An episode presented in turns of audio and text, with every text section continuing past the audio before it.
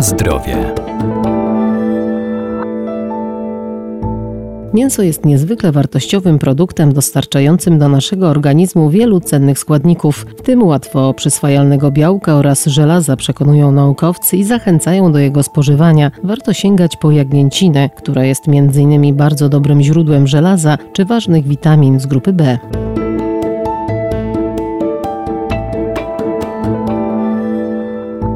Spożycie mięsa w Polsce budzi wiele kontrowersji. Jedni uważają, że spożywamy go zbyt dużo, inni, że zbyt mało, a przez dekady odradzano jego konsumpcji głównie ze względu na niezdrowy tłuszcz. Jednak w ostatnich kilkudziesięciu latach zmienił się sposób chowu i karmienia zwierząt, tym samym zmienił się sam profil tłuszczowy. Jeśli porównamy spożycie w Polsce ze spożyciem na przykład w Etiopii albo w Indiach, faktycznie spożywamy bardzo dużo. W tamtych krajach spożywa się ledwie kilka kilogramów mięsa rocznie na osobę. Doktor habilitowany Dariusz Stasiak, profesor uczelni Uniwersytet Przyrodniczy w Lublinie. No ale jeśli porównamy to ze Stanami Zjednoczonymi, gdzie spożywamy ponad 100 kg mięsa na osobę, to tego mięsa jest bardzo dużo. Czy w Polsce spożywamy dużo? To jest na przestrzeni lat stale utrzymujący się poziom, około 70 kilku kilogramów. Co się zmienia? Zmienia się struktura spożycia. Zasadniczo spożywamy coraz więcej drobiu, nieco mniej wieprzowiny, wołowiny, odrobinę się ta ilość zwiększa, natomiast chciałem zwrócić uwagę na pewien obszar, który w moim odczuciu pod względem żywieniowym, kulinarnym jest absolutnie niedoceniany. Mianowicie chodzi o wykorzystanie mięsa tzw. Tak małych przeżuwaczy.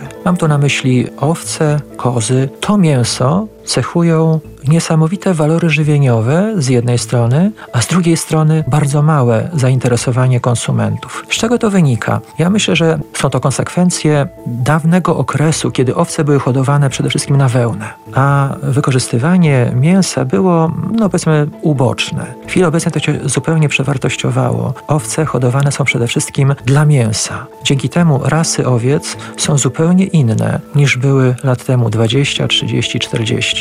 Mamy rasy mięsne, które dają bardzo dobre mięso pod względem żywieniowym.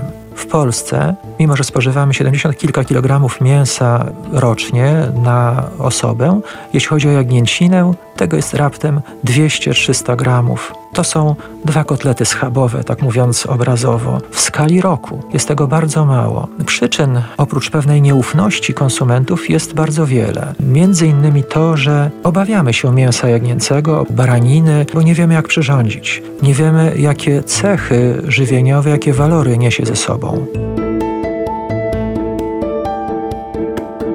Na zdrowie.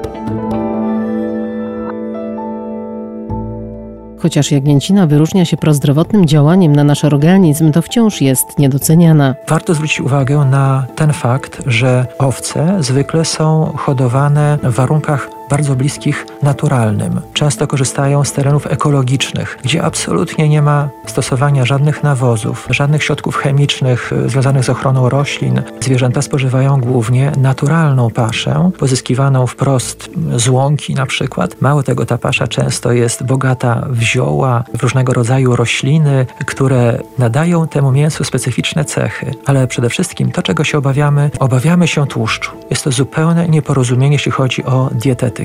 Te korelacje wcale nie są takie oczywiste, jeśli chodzi o powiązanie spożycia tłuszczu i otyłości u społeczeństwa. Kolejna rzecz. Choroby, które się wiąże ze spożyciem tłuszczu zwierzęcych, miażdżyca i tym podobne, związane głównie z układem krwionośnym, krążenia, też nie wszystkie powiązania są takie oczywiste. Okazuje się, że np. mięso zawiera bardzo cenne składniki, które wręcz działają przeciwmiażdżycowo. Te składniki występują przede wszystkim w mięsie. Zwierzęta, które które są karmione naturalną paszą, świeżą trawą, ziołami. Tłuszcz jest bogaty w nienasycone kwasy tłuszczowe, odmiennie niż było kiedyś. Kwasy tłuszczowe niosą ze sobą szereg witamin. Co jest jeszcze istotne? W mięsie jagnięcym występuje specyficzny składnik, tzw. Tak kwas orotowy. W przypadku jagnięciny poziom zawartości tego kwasu jest 50-krotnie większy niż w innych rodzajach mięs. I teraz uwaga, kwas orotowy jest potencjalnym składnikiem, który potencjalnym składnikiem składnikiem chemicznym, który działa przeciwnowotworowo.